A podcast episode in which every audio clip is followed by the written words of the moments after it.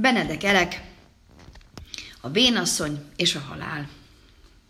Egyszer volt, hol nem volt, még az óperenciás tengeren is túl volt, volt egy öreg asszony, öregebb az országútnál, aki a hamut is már mamunak mondta, de meghalni nem akart.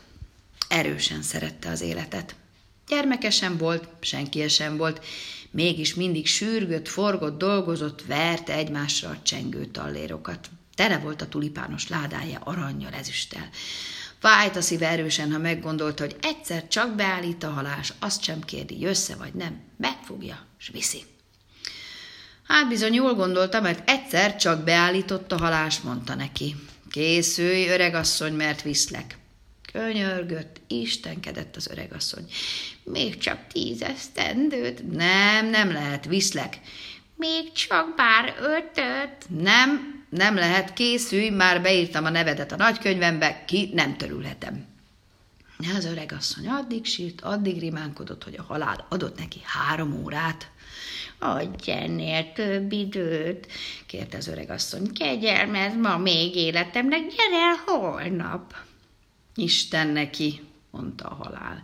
Nem bánom. És azzal indult kifelé, de visszaszólt. Hanem holnap csak ugyan eljövök.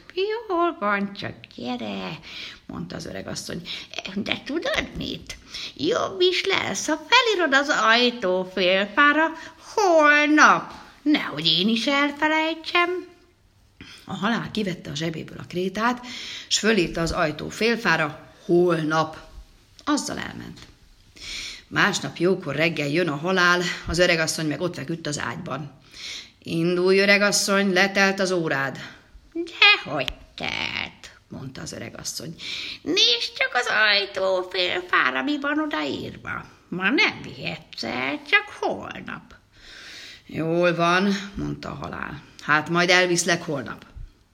Ez aztán így tartott egy hétig, kettőig, a halál minden nap pontosan eljött az öregasszonyért. Az öregasszony pedig mindig hűségesen rámutatott az ajtófélfára, és a halál tovább állott nagy bosszúsággal.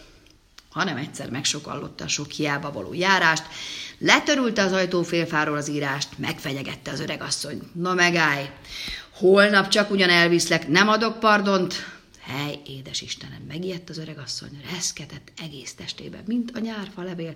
Nem találta helyét a házában, szeretett volna valahová elbújni, ahol a halál nem találja meg. Hopp, megvan.